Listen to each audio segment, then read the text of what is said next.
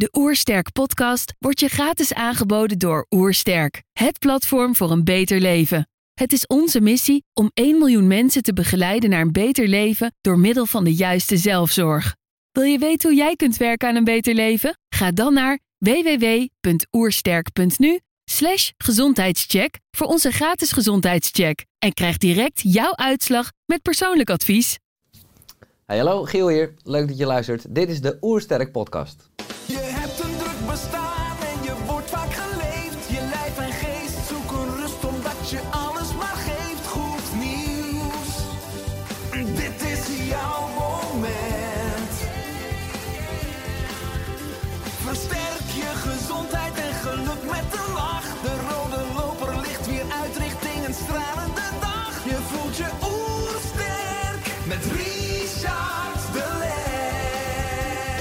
Zijn hier in Heemskerk voor een podcast met Giel Belen.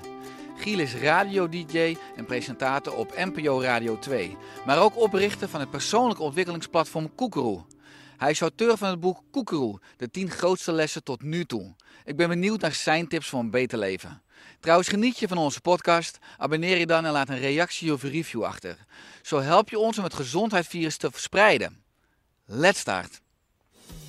De Oersterk Podcast. Een ontdekkingstocht naar een beter leven. Giel, welkom. Ja, leuk het te zijn, man. Koekeroe, de website. Hè? Daar staat handige tools voor een optimaal leven. Welke tools die we nu nergens leren zouden mensen moeten hebben? Bam! Ehm, nou, een, een, een hele grootste, dus het is, het is eh, nou ja, maar dat vind ik wel het belangrijkste, is als je ongemakkelijk, ja, dat is niet echt een tool, maar dat is meer gewoon een soort wetenschap, dat als, je, als iets ongemakkelijk is, dat je er juist naartoe moet. Dat is voor mij in ieder geval een soort openbaring geweest in de afgelopen jaren. Dat ik dacht, oh, maar ik ben juist heel erg geneigd om als iets niet zo fijn is, dat ik dat niet zou doen. Maar het is niet echt een tool, we realiseren me terwijl ik het antwoord geef. Wat Ja, het is, het is, een, ja, het is een mindset tool ja, in ieder geval. Ja. Ja. Maar echt een tool, tool, tool. Nee, kijk, ik moet zeggen, de makkelijkste in mijn boekje is die van jou. Maar goed, die hoef ik, dat is een beetje preken voor eigen parochie in deze. Maar dat is gewoon, eet, zo min, eet en drink zo min mogelijk keer op een dag. Dat vind ik echt, die is de meest heldere eh, van allemaal. ja, want dat was een openbaring toen ik bij je in de podcast was. Ik, Ja, dat vond ik echt. Ja, dat had ik gewoon nog nooit iemand horen zeggen. Dat, dat, dat, dat elke keer dat je eet of drinkt, dat het een ontsteking is. Wat op zich goed is, weet je, we moeten het ook niet dramatisch maken. Maar dat je dat dus wel, ja, eigenlijk eh, zo min mogelijk keren moet doen. In plaats van de hele dag een hapje. Nou, de, daar ben ik best wel een beetje mee eh, opgegroeid eigenlijk. Dat dat goed zou zijn. ja, want je hebt het even over je boekje. Je schreef dus het boekje met de tien grootste lessen over Ja. zingeving. Waar Ja. onder andere intermittent fasting of minder vaak eten en drinken de Ja. één van is van de tien. Hè? Ehm, welke, nou ja, naast die ene die je dan net noemt, spreek je het meest aan? Of kun je er een paar noemen van ja, de tien? nou kijk, de belangrijkste vind ik, die heb ik als laatste gedaan. Maar die vind ik wel heel belangrijk, eh, want dat moet ik ook vaak genoeg tegen mezelf zeggen. eh, dat je niet helemaal verdrinkt in zelfontwikkeling en z- dingen. Je bent al goed genoeg. Dat is, ja, het is ook het meest kortste stukje uit het boek. Maar ik vind het wel belangrijk, omdat je vanuit die, ook weer mindset, veel beter in staat bent om te groeien. In plaats van dat je een boek openslaat met de gedachte, ja, ik moet echt aan mezelf werken, want zo gaat het niet goed. En dan, ja, dan zal, het, dat zal dit boekje niet gaan helpen en het volgende boek ook niet. Terwijl op het moment dat je gewoon weet, hé, hey, ik ben al goed genoeg, maar ik wil nog steeds kijken waar ik kan leren. En, en dan is dat, ja, dan, dan, dan, ga je gewoon echt groeien. Ja, Dat is wel belangrijk. Ja, mooi, want het boekje heeft de titel ook van je website en de podcast. En eh, er staat achter het boekje dat, eh, dat koekeroe staat voor de goeroe die in ons allemaal zit. Hè? Je bent al goed genoeg. Ja. Wat heb jij geleerd van de goeroe in jezelf? Nou, nog lang niet genoeg, eh, maar dat hoeft ook niet, dat, dat, dat houdt ook nooit op. Ehm, nou ja, ik heb vooral heel erg mijn zwaktes geleerd en dat, eh, ja, daar ben ik heel erg mee bezig. Namelijk dat ik heel vaak, zonder dat ik het door heb, dus dat is zeker niet een soort tool, maar uit verbinding schiet. Op het moment dat ik het even niet zo fijn vind, of op het moment dat ik me gebruikt voel, omdat ik gewoon denk, ja, dat moet ik nou helemaal doen, of allemaal dat soort momenten. En daar was ik echt nooit van bewust. Eh, ik was gewoon eigenlijk helemaal niet bewust dat ik helemaal niet zo lekker in verbinding stond met mezelf. Ik ben ook later pas gaan realiseren, oh, ik snap ineens wel waarom ik bij de radio wilde. Want dat is eigenlijk, hè, zoals dat vaak zo is, dag en nacht, eh, donker en licht, eh, de andere kant van de medaille. Gewoon een zoektocht naar verbinding. Mhm. Heeft er gewoon heel erg toe geleid dat ik dus ben gaan zenden en reacties en eh, hè, radio. En dat is op zich tof. Maar als het gaat echt om, om mezelf en daarmee verbinding met jezelf, is dus ook connectie met anderen maken.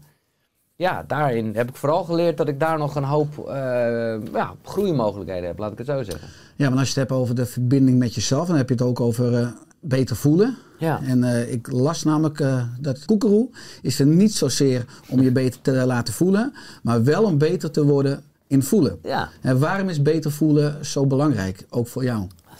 omdat je, eh, ja, omdat dat, omdat dat is wie we als mensen zijn. Dat is echt de, de ja, ik wil de hele tijd het woord oer gebruiken omdat ik hier zit, maar dat is wel gewoon het diepste van, van wie wij feitelijk zijn. Mhm. Dat is echt wie je bent. Echt, echt letterlijk je, je presente persoon. Dus het gevaar zit hem ook nog wel in dat heel veel mensen een beetje een soort zoektocht naar geluk gaan doen. Terwijl, nou ja, dus precies eh, zoals je het net zegt. Vanuit hun hoofd, Ja, vanuit het denken. exact. En dan, dan gaat het toch snel weer iets in materie worden of zo. Terwijl, eh, nou ja, dat is waarom ik dat ook daarnet even aanhaalde als een soort tool ook voor mezelf. Van ga dat ongemakkelijke niet uit de weg. Als je ergens niet oké over voelt, ga, de- voel het, weet Mhm. je wel. Want dan, dat is, een- dat is oké, dat is een basisgevoel. En op het moment dat je daar echt even voor gaat zitten, of het nou verdriet of boosheid of whatever is, nou ja, dan zal het wel of niet verdampen. Maar dan, dan zal dat op, dan duurt het maar een paar seconden. Terwijl op het moment dat je het weg gaat duwen, ja, nogmaals, dat doe je niet bewust, maar dat gebeurt dan. En dan ga je, dan ga je het een beetje oplossen met, eh, oh, ik ga maar even eh, eten, ik ga maar even blowen, ik ga maar even eh, filmpjes kijken Mhm. of weet ik veel wat. Dan, dan, omdat je gewoon niet naar het oorspronkelijke gevoel bent gaan luisteren. Wat is de winst voor jou nu je dat ongemak meer bent gaan omarmen? Nou ja, dus uiteindelijk dat ik meer in verbinding sta met mezelf en minder, ja, gewoon meer rust in mijn hoofd heb en minder de drang om op de vlucht te zijn en maar door te lopen. Ja, mooi. Maar als we een stapje terug doen, ook op jouw levensweg. Je wist al vroeg wat je wilde worden. Ja. Eh, als kind fantaseerde en visualiseerde je al over de radio. Waarom had dit op jou toen zo'n aantrekkingskracht? Ik vond het gewoon fascinerend. Het was een combinatie van en de vader van eh, mijn buurjongen die bij een piraat werkte. Dat was een illegale zender, er zat een soort spanning in. En gewoon echt s'nachts stiekem in bed heel zachtjes die wekkerradio aanzetten. En dan gewoon maar draaien aan die knop. En dan, zeker als er gepraat werd, dan dacht ik, oh wauw, ik snapte het vaak niet, weet je, was veel te jong voor. Maar wel dat ik me toen nog ging afvragen van, ja, hoe zou dat dan zijn? Hoe gaat dat? En dat vond ik gewoon mooi. En dat werden, ja, weet je wel, het mannetje in de radio, het mannetje, dat, dat werd gewoon, ja, dat vond ik gewoon bijzonder. En toen bedacht ik al snel, ja, ik ga ook net doen alsof ik bij de radio zit. En dus ging ik radiootje spelen, ja. Maar dit waren niet per se de nummers, maar meer al de DJ. En eigenlijk, als je dan wel. weer op het thema komt, verbinden. Hoe die Ja, dus alles aan elkaar verbond. Ja. En dus eigenlijk dan een kunstwerk van zo'n uurtje maakt. ja nou mooi gezegd, absoluut. Ja. Ja, want als tienjarige begon je bij de lokale omroep in Haarlem. Ja. Eh, hoe was het als tienjarige? En hoe groot hè, in die tijd? Hè, want het- hoe groot was toen radio? Maar radio was toen had een heel ander niveau bijna dan wat er nu is. Met allerlei andere mogelijkheden. Ja, kijk, ik was dus radiootje aan het spelen thuis in de studio met zoveel mogelijk apparatuur. Of het nou deed of niet, maakt niet uit. Apparaat, het ziet er goed uit.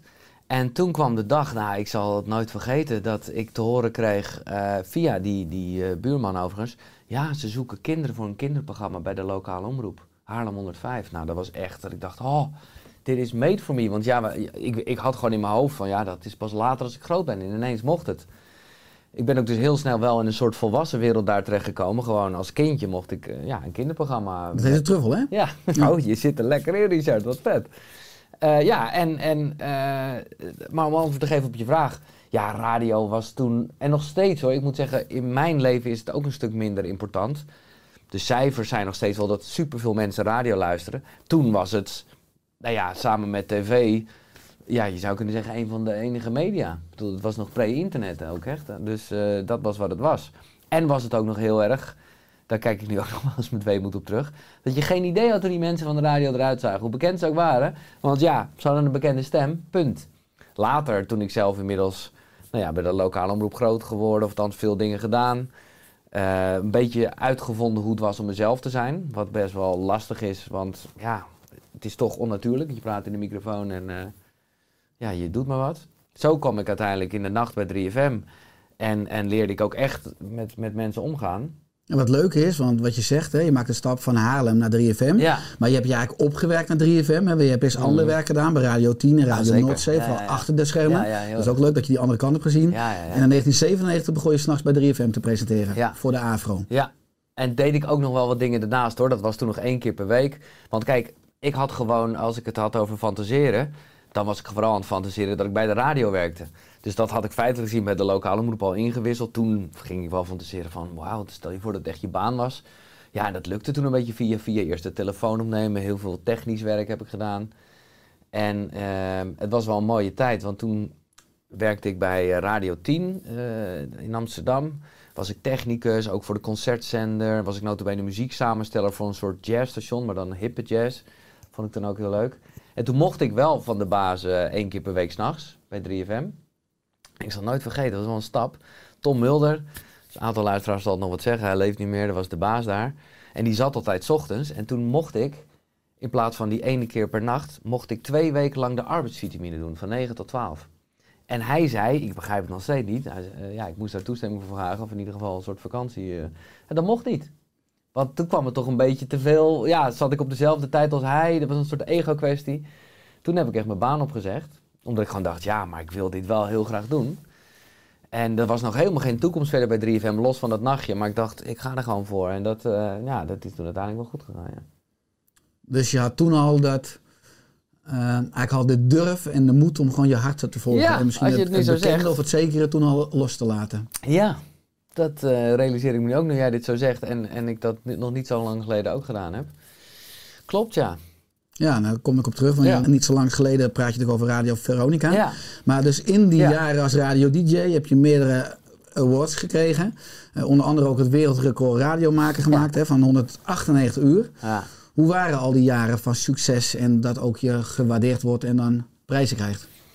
Ja, nou, even, dat klinkt oneerbiedig, maar die prijzen hebben we nooit zo gek veel gedaan. Behalve dan de allereerste. Die weet ik nog goed. Dat was Aanstormend Talent. En die was me echt veel waard, omdat ik best wel wat gedoe had met baasjes vanwege mijn eerlijke manier van radio maken. En er waren ook echt wel mensen, ook collega's en zo, die zoiets hadden van, nou, wat jij doet, dat kan echt niet.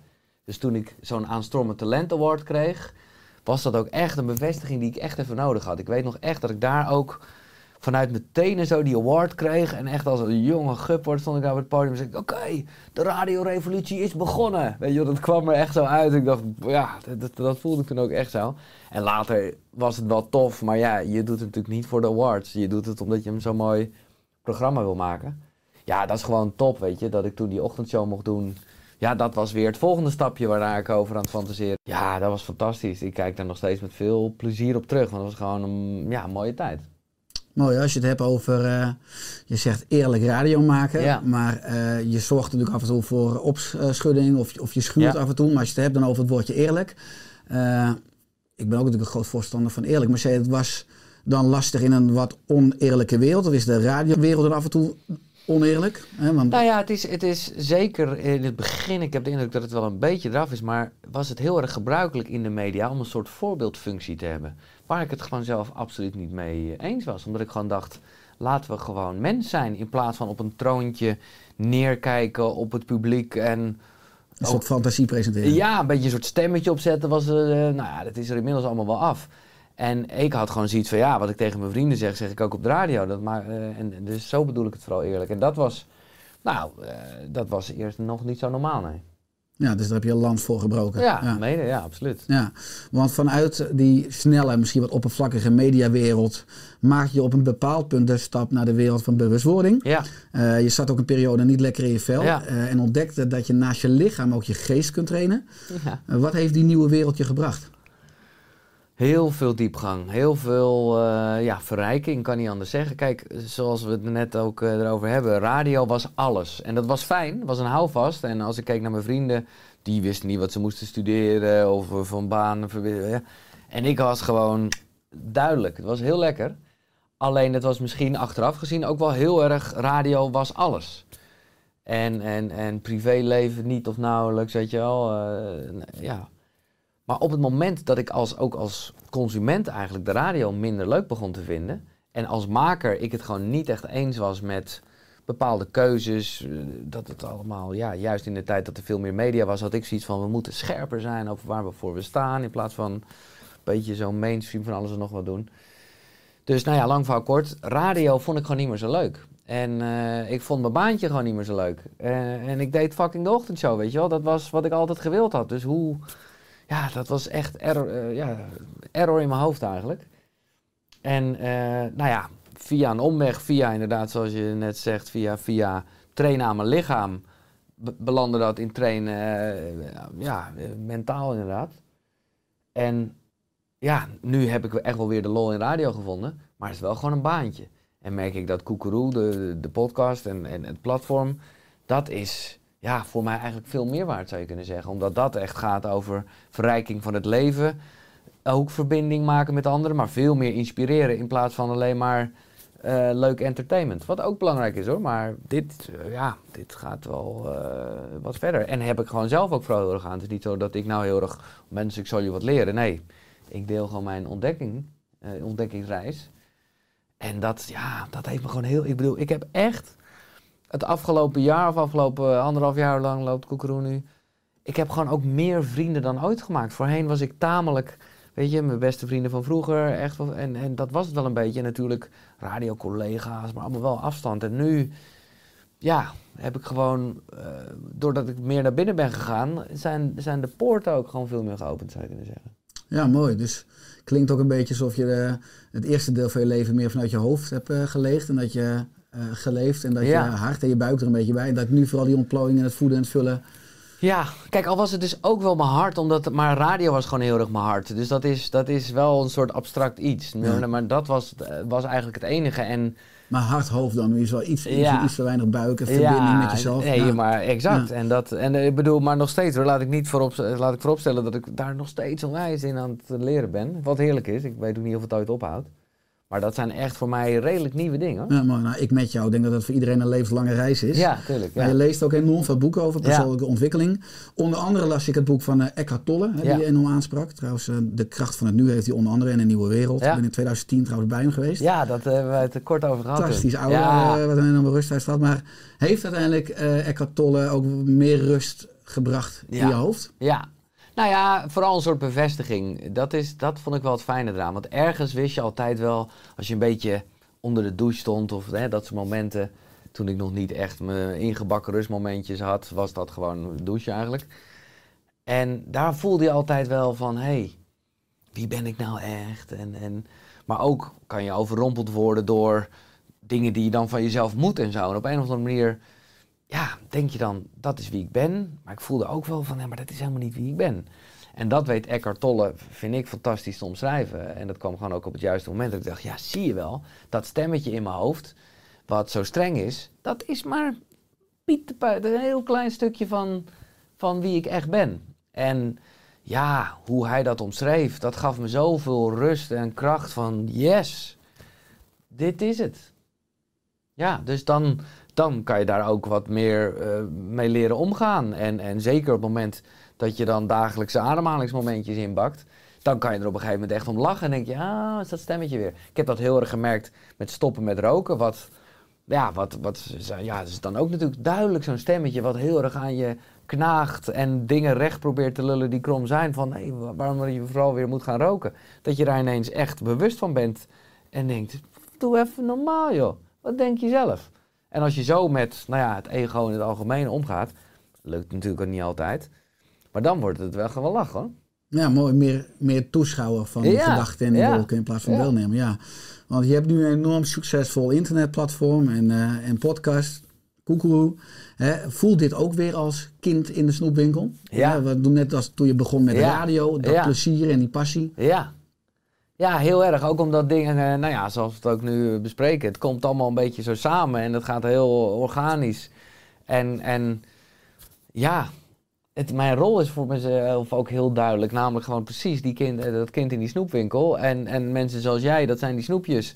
En die nodig ik uit. En die inspireren me. En ja, ik moet eerlijk zeggen, al zou er niemand luisteren, eh, dan heb ik in ieder geval nog dat toffe gesprek gehad. Mm. En dan is het ook nog eens een keer zo dat veel mensen luisteren en reageren. Nou ja, dat is dan ook wel heel tof, ja. Ja, want ik kan me voorstellen als ik nu ook kijk naar jou en je podcast, fantastische gasten. Als we het hebben over die snoepwinkel. Het maakt natuurlijk in principe bijna niet meer uit hoe groot de zuurstok is. Of de lolly. Kan bijna iedere gast zie ik bij je aanschuiven. Bijvoorbeeld een Wim Hof, hè, Ja. die nu internationaal enorm veel. Ik liep in 2016 met de, de Kilimanjaro. Ja, ja, ja, dat was Eh, kwam toen regelmatig bij me in zijn moestuin in. Amsterdam. Nou, ik kom niet meer bij Wim hoor. Nee. En met andere woorden, ik wil je, bij jou, het maakt niet uit voor mij hoe groot mensen zijn. Omdat je natuurlijk bekend bent. Dat was echt wel het voordeel, dat moet ik ook eerlijk toegeven. Want, want, want Wim, die was zo vroeg in het verhaal, eh, toen was ik nog niet eens naar buiten. Maar dat was wel inderdaad, eh, die ik nog kende van toen iedereen hem nog een beetje een mafketel vond. Ja. En ik er gewoon wel wat mee had gedaan in eh, de radioshow. En we hadden wel een klik, want ik, ik volgde hem gewoon en ik stapte in dat bad. En hij had zoiets van, wauw, eh, de- meestal gaan bekende mensen er heel snel weer uit. Dus die heb ik ook wel in de strijd gegooid. Want ik zal je eerlijk zeggen dat ik gewoon eerst de officiële weg eh, ging benaderen. En toen in het Engels een antwoord kreeg van hoeveel is je bereik en weet ik En wat dit allemaal. formulier, acht pagina's. Ja, ja, ja. En ik was nog niet eens online, weet je wel. Dus toen ging ik in mijn mail zoeken. Ik dacht, eh, nou, toen had ik toch nog een, eh, een, een ja, connectietje. Dus dat was echt gewoon mazzel hebben. Ja. Dat was overigens ook, want zijn zoon regelt een beetje zijn zaken. Eenam, ja. Eenam. En die heeft, nou ja, samen met de andere gasten ook wel een beetje druk uitgeoefend. Jij was ook nog wel vrij in het begin. Eh, maar w- want ik had er eerst echt best wel, nou, ik denk een stuk of acht, negen opgenomen. Maar toen vond ik het toch nog wel spannend, als ik eerlijk ben. Eh, toen, toen was ik ook echt aan het groeien in hoe ik in mijn vel zat. En ik was op dat moment nog zo eh, gevoelig voor kritiek. Wat ik eigenlijk nooit had gehad in mijn leven daarvoor. Want ik wist gewoon hoe ik zelf radio maakte. En oké, als er gedoe was, ja, ik wist hoe ik het bedoelde. Maar vanaf het moment dat ik er dus niet zo lekker in zat, merk je dat kritiek je ook meer raakt. Want ja, je weet het zelf ook niet meer zo goed. Dus ik had die opnames gehad. En ik wist ook wel natuurlijk, ik ga het ooit naar buiten brengen, maar ik wist nog niet het moment. En onder andere Enam en een paar andere gasten, die gingen mij toch ook een berichtje sturen van... hey, komt het nog online? Of, eh, en toen wist ik wel van ja, Stok achter je deur. ik ga het echt doen. En eh, nou ja, helemaal top. Ja. Ja, want nou ja, je hebt iedere week grote inspiratoren, je hebt goeroes. Eh, je krijgt natuurlijk ook iedere week nou, weer bijna een theepot in je theekopje Mhm. aan wijsheid en informatie, Ja. wat doe je zelf met al die inzichten hè, van al die gasten? Nou ja, kijk, ze komen, eh, ze, ze komen. Het is wel heel natuurlijk hoe ze op mijn pad komen. Dus ik lees iets of. of eh, het is niet. En dat is ook soms krijg ik wel eens tips van eh gas over gast. En dan denk ik, ja, daar heb ik gewoon niet zoveel mee met het onderwerp. En dan, ja, het is nu nog wel heel erg mijn persoonlijke reis en dus ook mijn persoonlijke gasten. Dus die connectie is er van tevoren altijd wel. En dan, ja, dan slurp ik echt, nou ja, eigenlijk net zoals jij, een gast helemaal op. En dan ja, probeer ik daar echt wel iets aan toe te voegen. Ook voor mezelf en, en voor de luisteraars. Het gevaar zit hem erin, moet ik eerlijk zeggen. Dat zei laatst iemand me terug. mhm, mhm. Is dat ik wel, ja, ik ben wel dat heel, eh, ja, ik ben wel heel veel tot me aan het nemen. En er was ook laatst iemand die zei van ja, focus gewoon even op één methode of iets in plaats van een beetje zo van alles wat. Ja, dat is, ja, dat, dat, ik, heb, ik heb niet de indruk dat ik het allemaal te vluchtig doe, maar ik, ja, het is wel, nou ja, om weer even het kind in de snoepwinkel te nemen. Ik vind het wel gewoon Mhm. fantastisch om elke week een ander snoepje te hebben. Ja, en de feedback die je krijgt is natuurlijk ook een reflectie van een ander. En je Ja. biedt mensen van een snoepwinkel aan waar ze zelf het snoep mogen kiezen. En dat is eh, ook precies wat ik wil eh, uitstralen. Ja. Ja, eh, nou, het, het, het leuke aan jou is dat je eigenlijk ook, eh, dus nogmaals, een brug eigenlijk bent tussen het ook lichamelijke en het geestelijke. Als we het hebben over het fysieke, dan kunnen we onder andere hebben over 2019. Dan deed je mee aan de Sixpack Challenge. ja, Het lukte hè, en de foto's zagen we overal in de media. Eh, maar voelde je toen ook gezond en topfit? Want dat is natuurlijk de andere kant van als je zo met die Sixpack... Nou ja, op het podium wel staat. van daarvoor. Dus, dus, dus oké, dus ik, ik voelde me toen voelde ik me gezond en fit. Dat zijn 50 dagen, hè? Nou, dat, op een gegeven moment, laat ik dat even Dat eerlijk stond zijn. laat ik het zo zeggen. Ja, kijk, ik heb op, kijk, ik, ik, ik zat dus gewoon eh, niet zo lekker in de wedstrijd. Wist niet wat ik eraan moest doen. Want ik dacht gewoon van ja, ik vind radio niet meer zo leuk. Mensen zeiden in mijn omgeving, ah joh, dat heeft iedereen wel eens. Ik ging vooral blowen. Nou, ik wist echt niet goed wat ik daarmee moest doen. Toen zag ik mezelf terug in een filmpje wat ik zelf aan het editen was. En ik zag echt wel een buikje wat ik gewoon nog nooit had gezien. Ik stond er ook een beetje onderuit gezakt bij en zo, maar ik dacht, dit wil ik niet. En daarvan wist ik wel, gewoon zoals ieder mens, wat je eraan moest doen. Namelijk bewegen en op je voeding letten. En toen ben ik gewoon dus gaan sporten. eh, en, maar ja, ik hou gewoon wel van om dingen gewoon een beetje groot aan te pakken. Dus ik had, en, eh, ik had gewoon op eh, YouTube ingetikt, hoe krijg je een sixpack? Nou, dan kom je bij Anthony Kruiver uit. Nog steeds denk ik dat hij de nummer 1 is. En ik vond hem een goed eh, filmpje maken. Dus bij hem ging ik trainen. En toen heb ik op een gegeven moment tegen hem gezegd, hij wist dat helemaal niet, maar toen zei ik, hey, als jij denkt eh, eh, dat het nog 50 dagen, of ik zei tegen hem 100, als ik nog 100 dagen een sixpack heb, laat het me weten. Oké, zei hij op een gegeven moment van, nou, ik denk dat het wel zover is. En toen heb ik dat gewoon van de daken geschreeuwd als een soort stok achter de deur. Maar om antwoord te geven op je vraag, kijk, toen zat ik er lekker in, want in vergelijking met het leven dat ik, dat ik leidde, ja, was het wel gezonder. Want ik, ik, eh, ik was aan het bewegen. Ik was er inmiddels ook achter gekomen dat slaap eigenlijk belangrijker was dan ik dacht. Eh, alleen als ik er dan nu weer aan terugkijk, denk ik dat ik nu veel gezonder ben dan toen. Omdat, om eerlijk te zeggen, een sixpack, nou zo gezond is het niet. Eh, want je zou kunnen zeggen dat je toch een laag vetpercentage hebt op dat moment. En, en nou, in die tijd was het wel heel erg eieren, kip en zo. Niet dat er wat mis mee is per definitie. Maar dat was wel een tikkeltje overdreven eigenlijk. Ja, het grappige was dat toen Arie Boomsma in mijn podcast was, toen had ik het met hem over, ik noemde dat een spirituele sixpack. Hè? Ja. Dat, dat uiteindelijk dat mentale, het emotionele even belangrijk is ook voor Ja, eh, ja, vitaliteit ja, dan alleen maar die sixpack. Ja, Eh, het mooie is als ik terugkijk eh, waar ik jou van ken, dan moet ik als eerste denken aan het glazen huis. ja, ik weet niet hoe oud ik was, maar ik weet dat die, die televisie dag en nacht aanstond. hè. Ja. Dat werd, het was een soort rode loper van BN'ers en ook Ja. nationale aandacht. Eh, hoe waren die weken? ja, mooi en leuk omdat het gewoon in de essentie precies is waar ik van hou met de radio. Namelijk improviseren, eh, lachen. Goed doel, de Ja, precies, dat wil Ja. ik zeggen. Ook nog een, een, een, een, een boodschap erachter. Dus die combinatie maakt het fantastisch. Eh, ja, kijk er met veel plezier op terug. En ik vind het echt eh, jammer dat het niet meer bestaat. Want het, eh, ja, het was gewoon een mooi iets. Ja, dat waren hele warme momenten, ja. Ook niet gezond trouwens. Ik moet bij jou natuurlijk altijd aan voeding denken en zo. Nou, dat was niet oké hoor. Want eh, je, je kwam er altijd van aan. Omdat je natuurlijk, ja, het is een soort crash dieet wat je eigenlijk doet. We kregen dan wel sapjes dus en zo. Mhm. Maar ook, je mocht, ja, mocht, dat waren, dat waren de zelf verzonnen regels. Het was wel nog gewoon cola en sigaretten, zeker de eerste jaren. Nu niet meer voor te stellen, maar de eerste jaren waren we gewoon met z'n allen aan het smoken gewoon in het huis, jongen. En mensen die gingen gewoon pakjes sigaretten door de brievenbus gooien als een soort van, hé, En je bent een goede ambassadeur geweest van de frisdrank. ja, cola. absoluut, cola als een malle, jongen. Ja. Dus ja, nee, gezond was het zeker niet, maar daar gaat het even niet om. Nee, dat was, nee, dat was top. Dat was wel echt qua radio. En je noemde net het record, dat was een soortgelijk iets. eh, hele bijzondere momenten. Is het dan ook leuk, want wat ik zei, eh, het maakt niet uit welke artiest eh, toen hits hadden. Ze kwamen allemaal langs Ja. in het glazen huis. Hè? Ja, Eh, is het ook leuk dat je, bedoel, artiesten zijn ook natuurlijk gewoon mensen. Ja. Die hebben misschien ook een plaatje voor de camera of op het podium, maar zijn ook gewoon mensen als ze van het podium afstappen. Eh, was het ook leuk in de ontmoetingen in zo'n glazen huis? Dat je misschien elkaar ook echt in een hele andere context ja, ontmoet? soms wel en soms niet hoor. Want soms was het ook gewoon, ja, dan is het echt alleen maar een soort nep fake binnen, verlullen en weer eruit. Want de camera's zijn Eh, overal aan natuurlijk. Dus ja. dan heb je alsnog, ja. Maar ik weet ook wel, je had altijd slaapgasten bijvoorbeeld. En ik zal nooit vergeten, en daar had ik van tevoren ook wel een soort van klik mee, maar dat Wendy van Dijk kwam. Die was toen nog, eh, om even aan de, te schetsen hoe lang het geleden was, die was toen nog met Chris Segers. Was ze met Chris Segers? ja, daar is een tijdje mee, mee geweest. Ja, ja, ja, ja. Nee, ik kan, ja.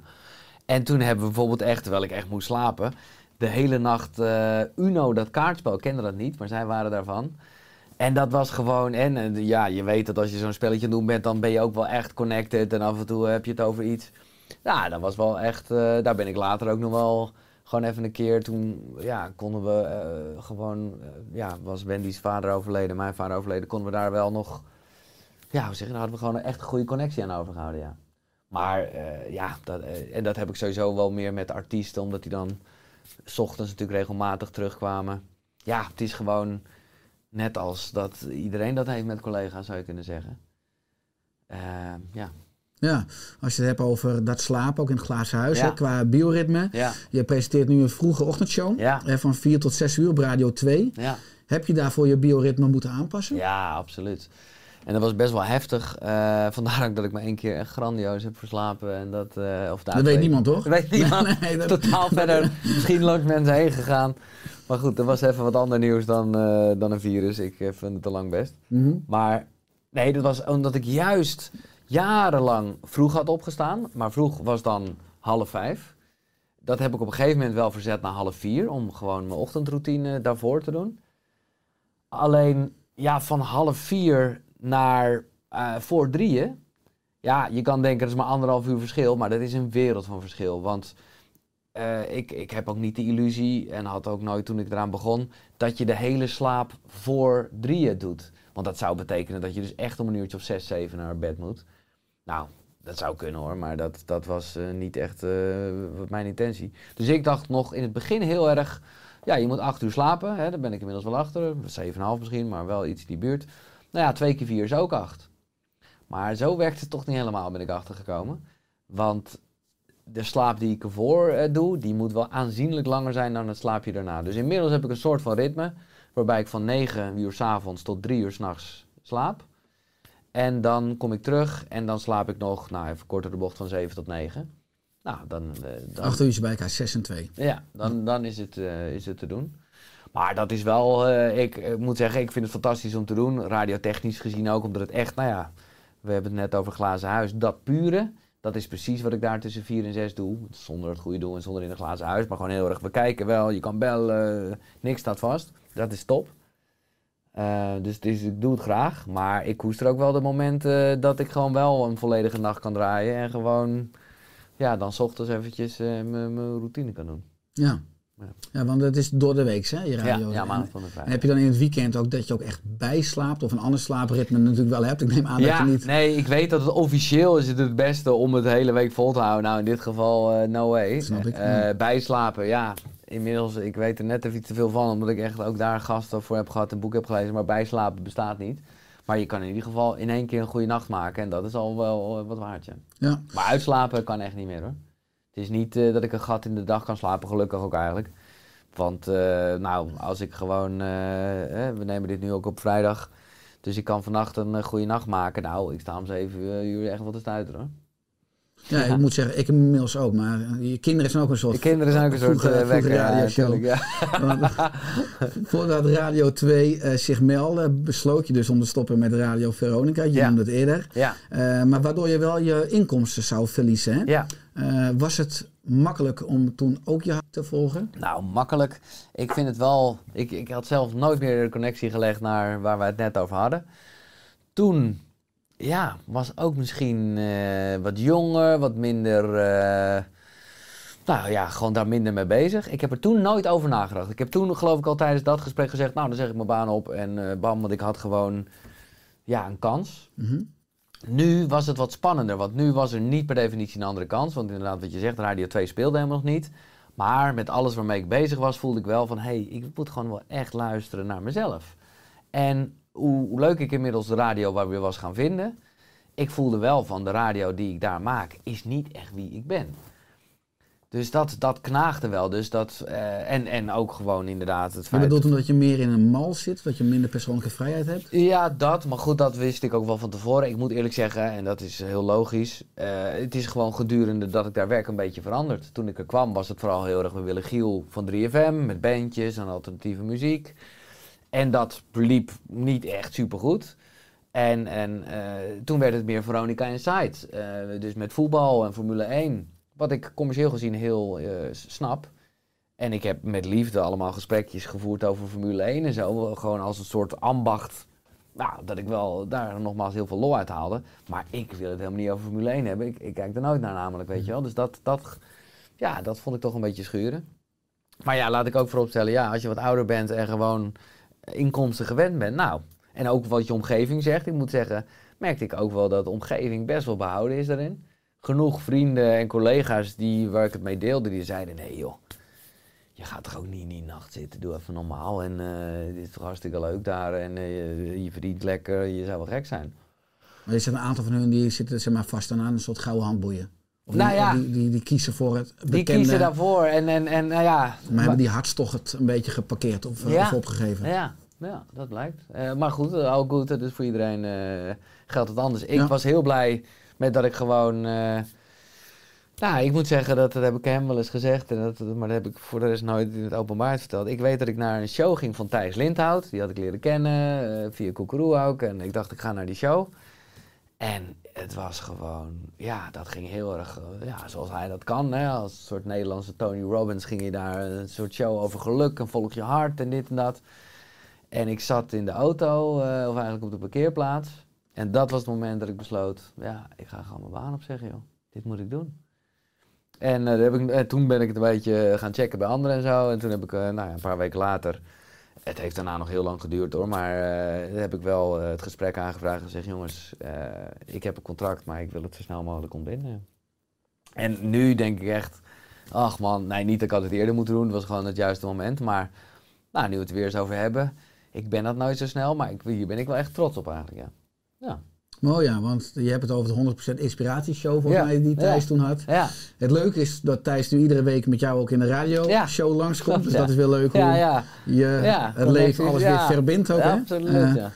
Cool. Eh, ja. heb je in dat rare ritme, hè, want je zegt je moet enorm vroeg opstaan. Eh, ik heb je natuurlijk al meerdere keren horen spreken ook over een ochtendritueel. Dus weet bijvoorbeeld ik en misschien veel mensen ook wat van je tongschrapertje. Kom Ja. misschien zo terug. Maar is er dan eh, nog steeds voldoende ruimte s'nachts? Of als je dan weer terugkomt van de show waar je nog twee uurtjes slaapt Ja. om een soort ochtendritueel of een soort dagritueel? Is dat iets Nou ja, wat dat is, ik, ik, eh, ik moet eerlijk zeggen, dat zat ik dus ook een beetje, daarom was ik er ook best wel verslag van, want ik had dat helemaal lekker. En toen nou ja, besloot ik wel sterk in mijn vel dus om die baan op te zeggen. En toen eh, ja, kwam Radio 2, wat ik fantastisch vind. Maar wel ineens van, oh, hoe ga ik dit nu doen? Ik moet eerlijk zeggen, als om drie uur mijn wekker gaat, ik ga niet haasten, maar het is, er, zit, eh, er zit geen enkele routine in verder qua handeling. Dat is gewoon radioshow maken en en that's it. En dan kom ik terug en heb ik dus nog dat kleine slaapje om het af te maken. En dat is ook wel echt lekker, want als ik dan wakker word, dan begint ook eigenlijk een beetje mijn koekeroedag. Eh, en dan, dan doe ik dus mijn ochtendroutine nu. Dus eigenlijk na het tweede slaapje. Dat, is, dat werkt ook wel top, want daar zit gewoon stukje meditatie een stukje beweging. eh, de- dus dat is een, dan begin je, ja, ik heb eigenlijk twee dagen of zo. Ja. Dus dat, Ja. Maar heb je dat... Is dat zeg maar, een noodzaak geworden om het ritme vol te houden? Of, of is het gewoon iets waardoor je uiteindelijk overdag ook veel meer kwaliteit Nee, en eh, focus hebt? Absoluut. Dat laatste dus zeker. Het is, het is, nou ja, het is zoveel waard. Ik ben echt blij dat ik, ja, het is voor mij echt houvast. En ik weet ook dat sommige mensen, ja, eh, die zijn, zou je kunnen zeggen, misschien meer in balans. Want die denken, ja, ik mediteer af en toe, ik drink af en toe een wijntje. Ik ben toch best wel van duidelijkheid. Dus ik drink niet en ik doe elke ochtend die routine.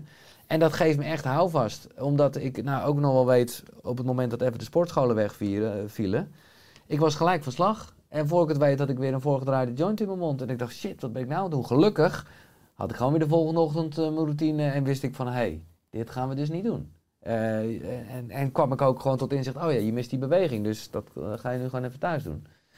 En dat heeft mij, eh, en dat, dat zie ik ook wel in mijn omgeving gebeuren, dat zo'n routine kan je echt gewoon bij de les houden. Je kan elke dag begin je opnieuw en maak je een soort afspraak met jezelf.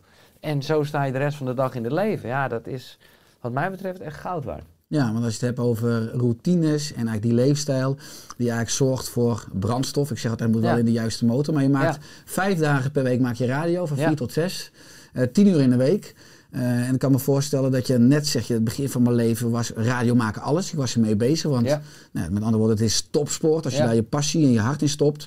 Terwijl anderzijds misschien mensen ook die luisteren of kijken kunnen denken, ja, beetje plaatjes draaien. hè, maar er tussendoor even praten, doe je het schuiven weer omhoog, ander plaatje. Ja. Neem mij of, of, Ja. of ons ook eens even mee in Ja. die wereld. Want nogmaals, ik weet, maar met een podcast, ik bereid me voor. Je wil scherp zijn, je wil aansluiten, je wil bepaalde unieke momenten wil je pakken en daar. Maar, maar wat is voor jou, hoe kijk jij naar het radio maken als ambacht? Ja, nou ja, dat ligt er ook een beetje aan wat voor een programma je hebt. Kijk, nu zal ik eerlijk zeggen, de show die ik maak tussen 4 en 6. Ja, heel eerlijk, daar zit niet of nauwelijks voorbereiding in. Omdat dat echt gewoon gaat over het moment, de improvisatie. Ik zorg natuurlijk dat ik helemaal op de hoogte ben van de muziek. Ik nodig ook muzikale gasten uit. Dus daarvoor zitten overdag wel een beetje luistermomentjes in. Maar ja, dat is natuurlijk, eh, ja, dat doe ik sowieso. Ben ik dat al mijn hele leven gewend.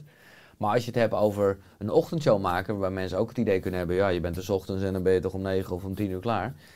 Ja, dat heb ik zelf altijd wel heel anders aangepakt. En zo werkt het ook niet. Want dan zit je toch de hele dag met je redactie. Oké, wie zullen we morgen uitnodigen?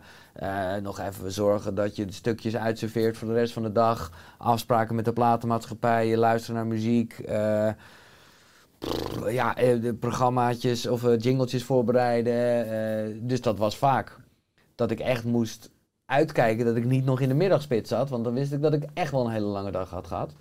Maar dan was ik wel echt de hele dag bezig met een radioprogramma. En nu, eh, ja, nu eh, is dat niet zo. Omdat ik nu dus inderdaad eigenlijk de voorbereiding eh, heel erg in koekeroe stop. Maar dat, dat is ook waarvan mensen kunnen denken, oh je hebt even een gesprekje. Nou, dat, dat, ja, zo kan het. En ik weet ook van collega's die dat ook zo doen en daar is niks mis mee. Want dat heeft ook iets puurs en dan stel je gewoon ook heel oprecht vragen. Ja, ik ben een nerd daarin. Ik wil, als ik een gast heb, en daarom eh, luister ik ook zeer regelmatig naar jouw podcast.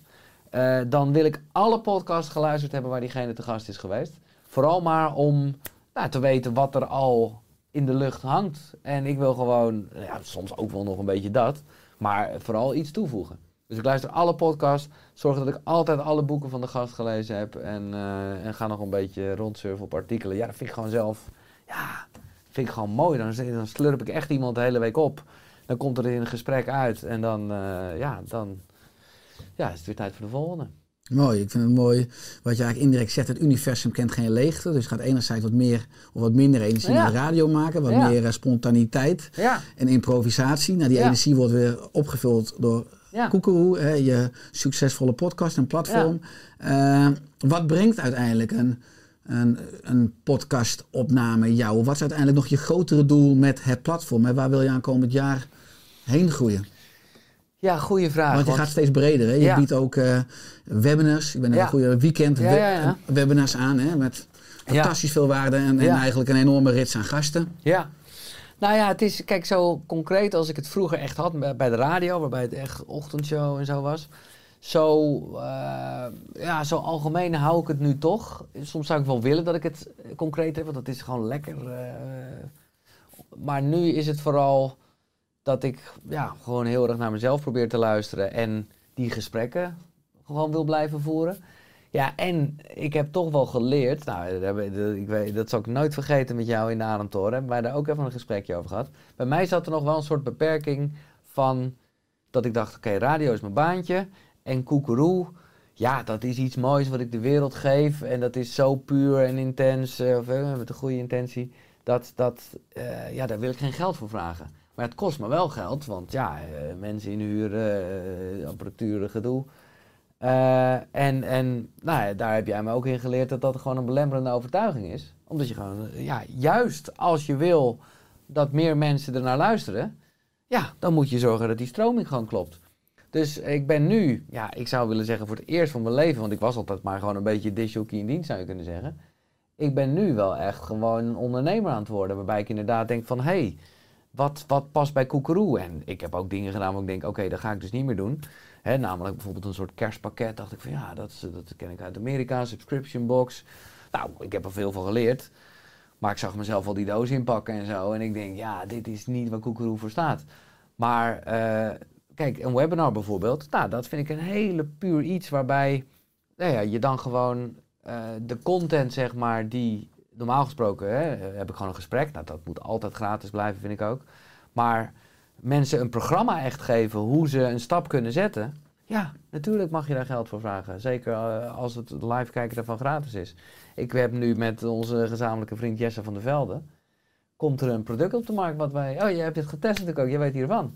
Eh Shambhala. Nou, dat vind ik echt. Dat is ook om weer heel organisch op mijn pad gekomen. Dat ik met Aldo, die had ik te gast in mijn podcast. Een herbalizer eh, noemt hij zichzelf. En een, iemand die heel erg verstand heeft van, van kruiden en zo. En ik had met hem een gesprek, nou precies een beetje waar wij het over hadden. Dat ik gewoon zo had, ja, verbinding met mezelf. Heb je daar niet iets voor dan? Nou, hij ging er een beetje over nadenken. Zei, nou ja, ik ken wel iets. Kapi is dat, maar eigenlijk is dat, ik weet niet of dat alleen werkt. Dan zou je eigenlijk iets moeten doen dat je hart ook wat meer opent. Oh ja, dan kan je wel Bob Insana. Nou, ik zeg, ga het maken, proberen. Nou, hij heeft dat samengevoegd. Ik heb het geprobeerd. Ja, of het nou in mijn hoofd zit of niet. Ik mis het even nu, want het is, ik had gewoon heel veel testcolleges, is gewoon op. Voor mij heeft dat heel erg gewerkt en is het een soort momentje voor mijn meditatie geweest waarbij ik denk, oké, nu stappen we even in de verbinding met mezelf wereld. Nou ja, dat is nu een product dat op de markt komt. Ja, ik had het een jaar geleden nooit kunnen denken. Maar dat... eh, Wanneer komt het op de markt? Wat is de planning? Ja, eh één deze dagen. Eh, dus ik denk wel, ik, denk, ik weet niet hoe snel je deze online We gaat zitten, nu, we zitten nu eind april. Hij komt in juli komt hij online. Oh man, het is nu is verkrijgbaar. er al. Ja, dat denk ik wel. Je moet gaan Als het goed is wel. Gaat kopen. Eh, want als je het dan hebt over, over koekeroe, hè, wat is voor jou uiteindelijk zeg maar, de kern die je wil Ja. behouden? Nee, precies. Want dat was, eh, zo was de vraag, wat zijn je doelen? Nou, dat weet ik dus niet echt. Maar eh, het doel is vooral om mensen te inspireren om te laten zien wat er allemaal mogelijk is in de wereld. En heel erg, nou ja, wat ik van het begin af aan heb gezegd, niet wat je moet doen, maar wat je kan doen. En heel erg oprecht gewoon delen hoe je je voelt. En ik denk dat we daar met z'n allen heel veel wijzer van worden. Eh, in plaats van een beetje, ja, ik kom ook natuurlijk best wel een beetje uit een soort ego-wereld. Terwijl onzekerheid delen levert zoveel meer op.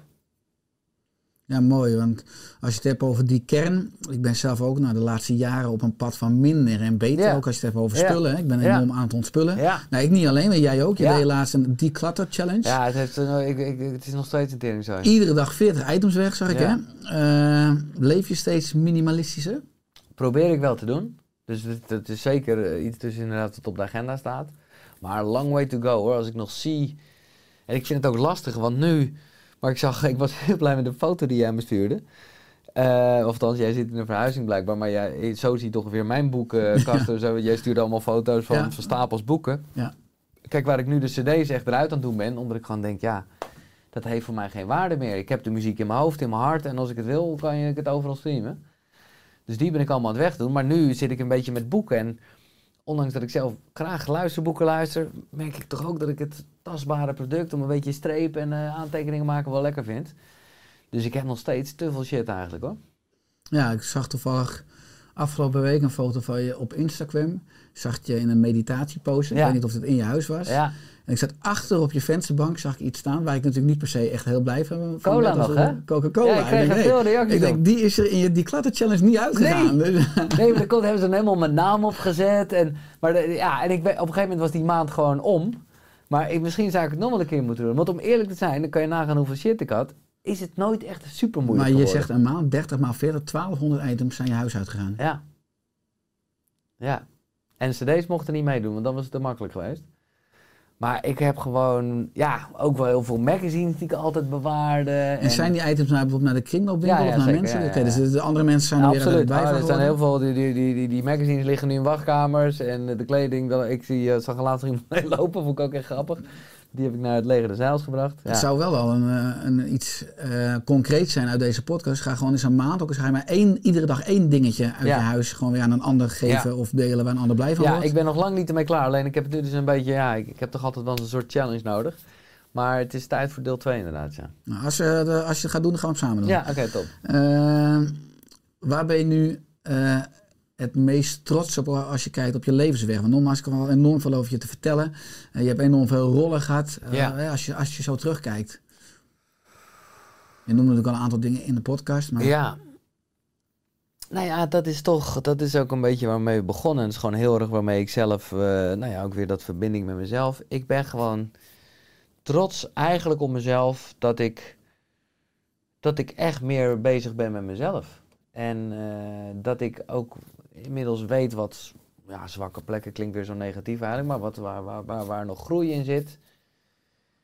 Eh, ja, dat, eigenlijk is dat namelijk ook wel een soort zelfliefde. Gewoon, gewoon snappen waar je vandaan komt en gewoon... Ja, ik was wel altijd wel heel erg van het strebertje en het mannetje met het zweepje.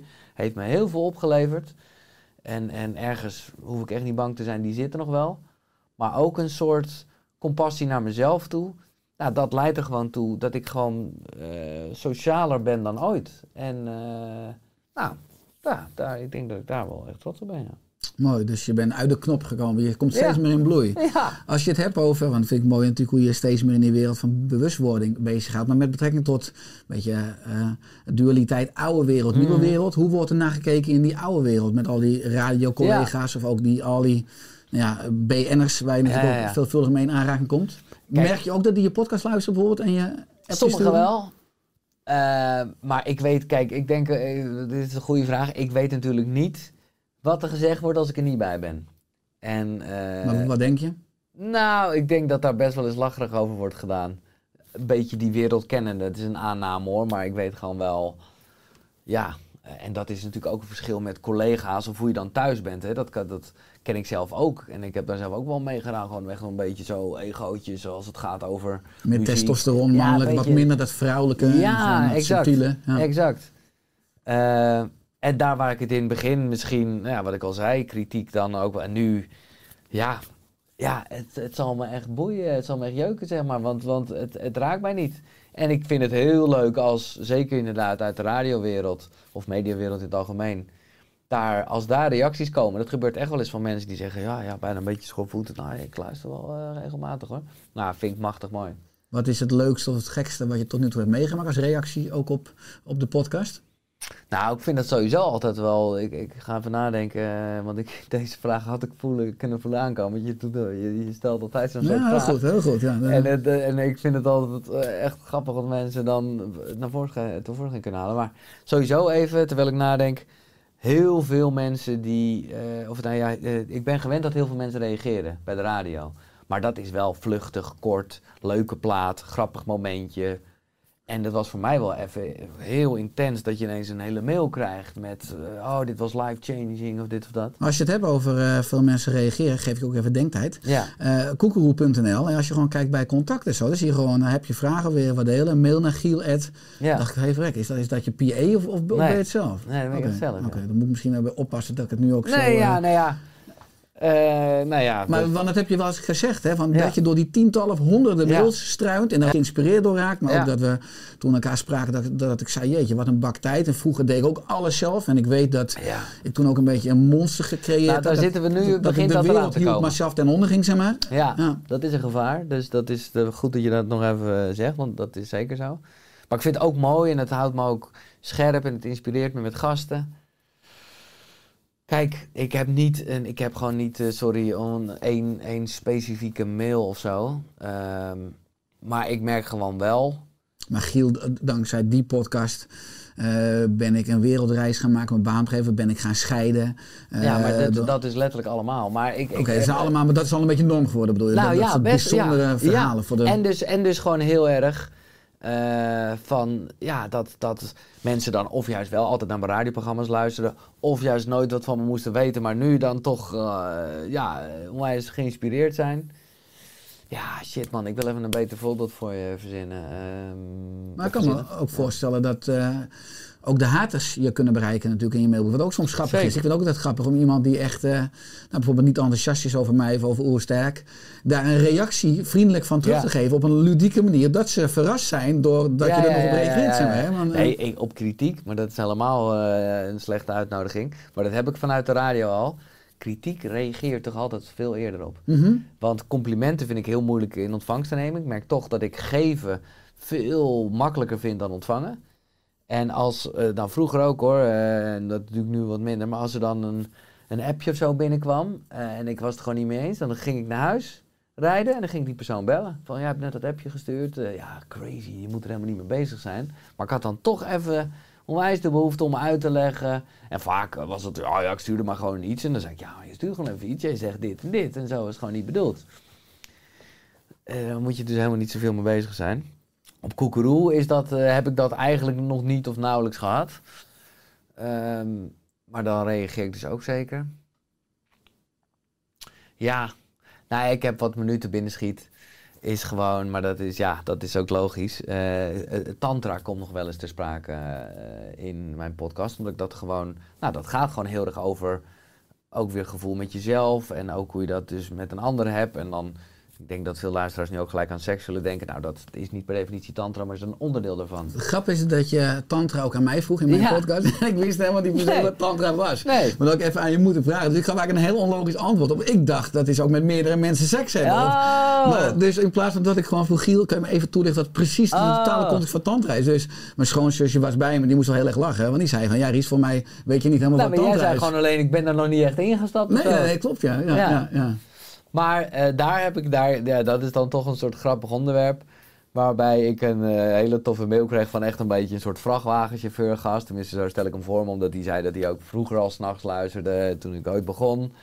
En eh, dat hij nooit had verwacht dat hij eh, tijdens de seks nog eens een keer aan mij zou denken.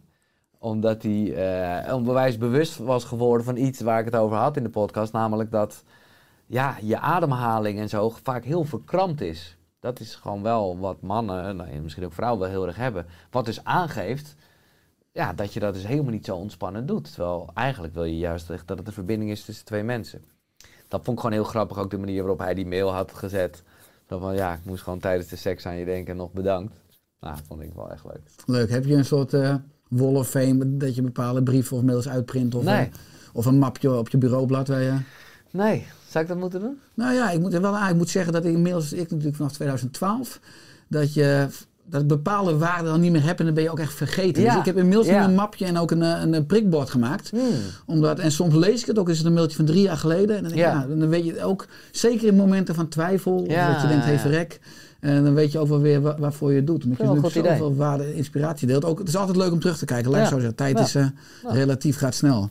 Eh, is er nog iets, eh, Giel, wat je aan het einde van de podcast wilt toelichten? Wat ik wil toelichten.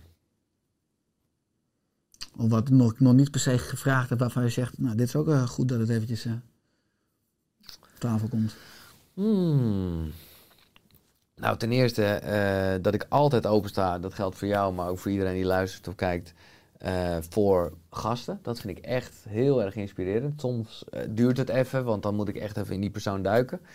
Maar als je wel eens Koekeroe luistert en je denkt... ja, maar waarom heb je dat onderwerp nog niet eh, benaderd? Soms heb ik er ook niks mee hoor. Maar soms duurt het ook even. Ik weet dat ik al vrij snel bijvoorbeeld... kregen mensen, daar hadden mensen het over stenen en zo. En ik dacht gewoon, ja, stenen, sorry, daar heb ik helemaal niks mee. eh. Maar inmiddels, gedurende de gesprekken, begreep ik wel van... ja, als alles energie is... ja, dan hebben stenen natuurlijk ook energie. Dus snap ik best wel dat oerstenen, dat daar wel wat in zit. Nou ja, dat komt dan een jaar later toch in de podcast ter sprake. Maar ik, vond, ik vond die podcast steen goed. Kei gaaf. ik zou alleen maar willen zeggen, als je suggestie hebt voor onderwerpen, dan eh, vind ik dat echt, weet je, het is echt iets, dat is, dat is, ik ben gewoon de vragensteller die mensen een podium geeft. En als mensen denken, hé, hey, daar zou je ze het licht op laten schijnen, graag. Ja, dat, eh, het is natuurlijk wel leuk dat wij eh, zitten nu ongeveer in podcast nummer 70 op het Ja. moment van opname. Jij bent ook in de 70.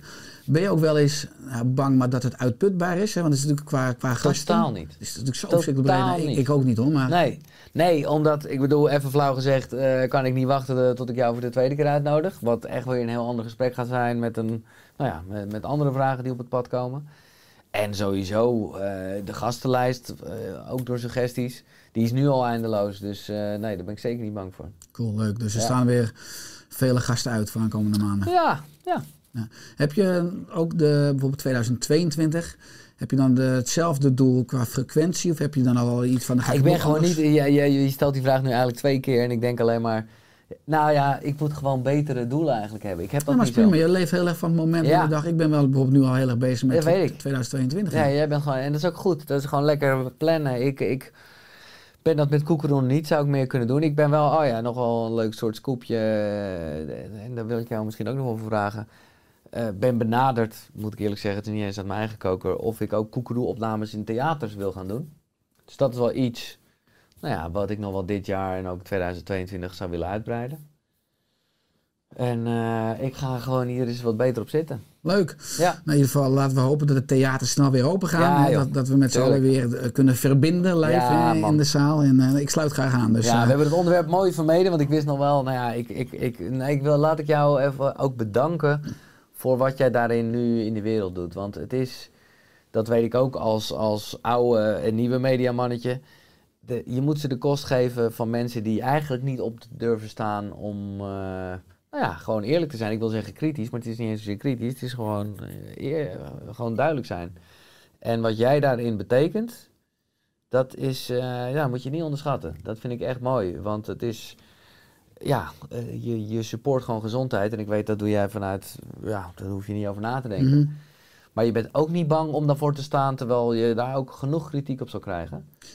Klopt, ja, we bereiken bijna een eh, miljoen mensen per jaar nu. En eh, zeker ook nu afgelopen coronajaar. Hé, hey, maar als je een miljoen mensen bereikt, dan heb je toch je target gehaald? Ja, dat gaan we volgend jaar ook. Oké. ja, gaan, gaan we vieren, 2022 namelijk. Dus Ja, dan, bestaan we tien jaar. Dus dat, dat wordt een mooie mijlpaal. En, maar ook afgelopen corona-jaar echt ervaren dat ook ja, in mijn netwerk eh, met artsen en professoren dat het niet altijd gewaardeerd wordt. En dan Nee. druk ik mijn zwakjes uit. Ja. En dan, dat nodigt mij weer enorm uit om dan toch uiteindelijk eh, ja, voor je eigen kracht en je eigen boodschap te blijven Ja. kiezen. Ook al heeft dat een prijs. Hè? Dat, Ja. Maar nogmaals, ik ben een vrije vogel. En ik, ik wil me niet laten inkooien door Nee. al die belangen die, die er spelen. Hè? Want nogmaals, dit is een... en daar hebben denk ik de podcast gasten en luisteraars geen weet van. Dat is misschien boeiend bijna voor een keer een aparte podcast. Mhm. Net zozeer in de mediawereld. Dat er een deel voor de camera is en een heel deel met belangen achter de camera. Ja. Maar ja, uiteindelijk is eh, daarin ook mijn eigen hart en onderbuik gewoon het, het kompas. En Ja. eh, als ik aan het einde van iedere dag mezelf in de spiegel kan aankijken en weet dat het klopt. Dat, Ja. is, dat is de enige waar ik verantwoording aan schuldig Ja, ben. maar dat Ja. vind ik echt, kijk, zover ben ik nog lang niet met Koekeroe. Jij hebt natuurlijk met Oersterk echt een imperium, zou je kunnen zeggen. En daarmee ben je dus ook, nou, zoals jij net zegt, een vrije vogel. Dat vind ik zeer inspirerend. Thanks, Giel. Eh, Ja. Dank voor je mooie woorden. Waar kunnen mensen meer vinden over het boekje Koekeroe, over het platform, over jou? Koekeroe, eh, voor de luisteraars, het is niet als een eh, zwart-wit beest wat in de wei staat. Dus het is kukuru.nl en dan zie je het allemaal wel. Nou, als wij samen een keer een, eh, een ongezond voedingsmiddel gaan uitbrengen, doen we de koek-oeroe. Maar ja, die... eh, die eh, Oh, lekker is dat, heerlijk. Sorry, slechte grap. Kijk, kijk, Ik dat hou gaat blij met ons. Giel, dankjewel Ja, jij voor je komst in de Oostek podcast. En Ja. ik, ik ben enorm blij dat we alle twee op onze eigen vierkante meter, jij met Koekeroe, ik met Oersterk, maar ik denk dezelfde missie, de wereld be- Absoluut. bewuster maken. Vitaler maken, positiever maken. En eh, ik hoop dat we samen de komende jaren nog veel eh, bruggen mogen bouwen en Dat impact mogen maken. man. Ik ben echt zo blij en dankbaar dat ik je heb leren kennen. Echt eh, top. Wederzijds, denk man. Oké, man.